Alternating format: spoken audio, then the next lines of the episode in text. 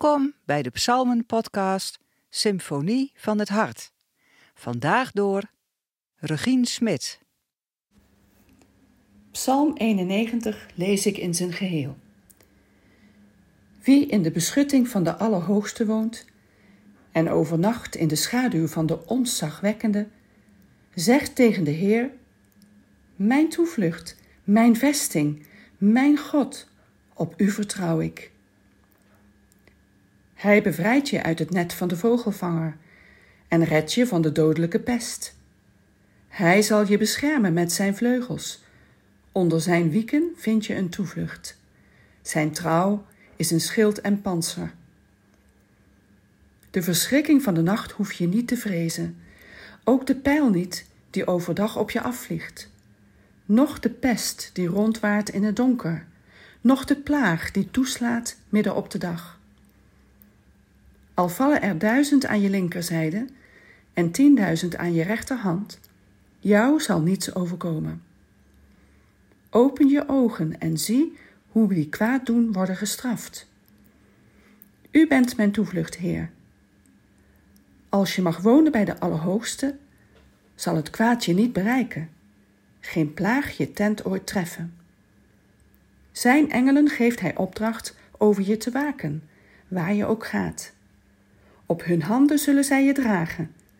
Je zult je voet niet stoten aan een steen. Leeuw en adder zul je vertrappen. Roofdier en slang vermorzelen. Ik zal bevrijden wie mij lief heeft en beschermen wie met mijn naam vertrouwd is. Wie mij aanroept, geef ik antwoord. In de nood zal ik bij hem zijn. Ik zal hem bevrijden en met roem overladen hem overvloed van dagen geven. Ik zal zijn redding zijn.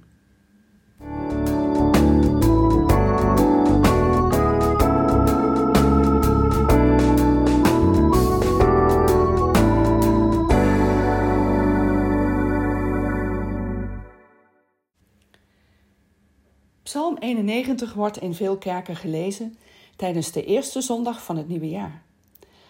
Als een geestelijke booster een aanmoediging om vol vertrouwen het onbekende dat voor ons ligt tegemoet te treden. Als een betrouwbare kameraad onderweg die ons in staat stelt om de uitdagingen van het leven aan te kunnen. Immers, er is in deze psalm geen enkele twijfel.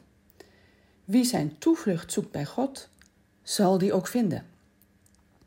Geen gevaar is te groot, geen dreiging te gevaarlijk of dichtbij, ieder onbewaakt moment van het leven, ieder ongeluk in een klein hoekje, niets valt hier buiten. Deze psalm, die oorspronkelijk samen met Psalm 90 werd gelezen of gezongen, is het onversneden gelovig antwoord op de roep tot God, om zijn volk na een periode van afwijzing opnieuw in genade aan te nemen.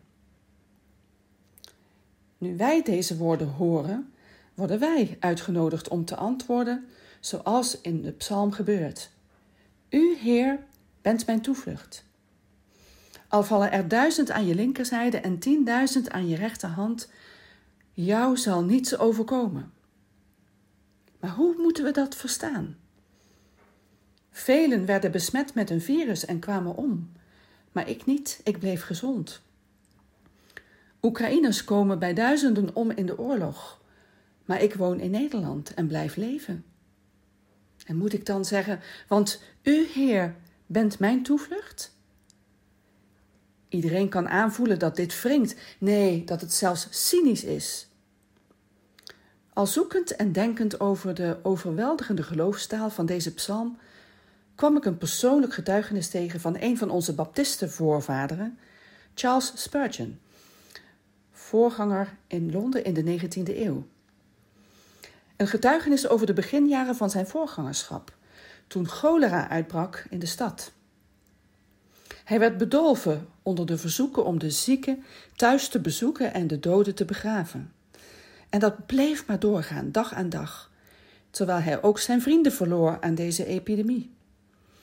Hij raakte lichamelijk en geestelijk uitgeput, kon niet meer verder.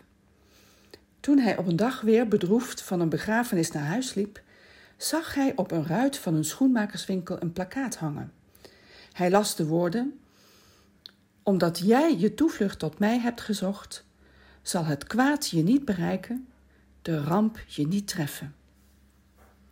Die woorden uit Psalm 91 gaven hem de kracht om door te gaan met wat hij deed: zich te bekommeren om de zieken en de doden, die ter linker en rechterzijde van hem vielen. Inderdaad, hij heeft de epidemie overleefd. Maar volgens mij gaat het daar niet om, ook niet in zijn getuigenis. Er zijn immers vele anderen die zich eveneens bekommerden om zieken in vertrouwen op God, maar die wel zelf ziek geworden zijn en gestorven zijn. Denk aan Pater Damiaan en zijn Melaatsenkolonie.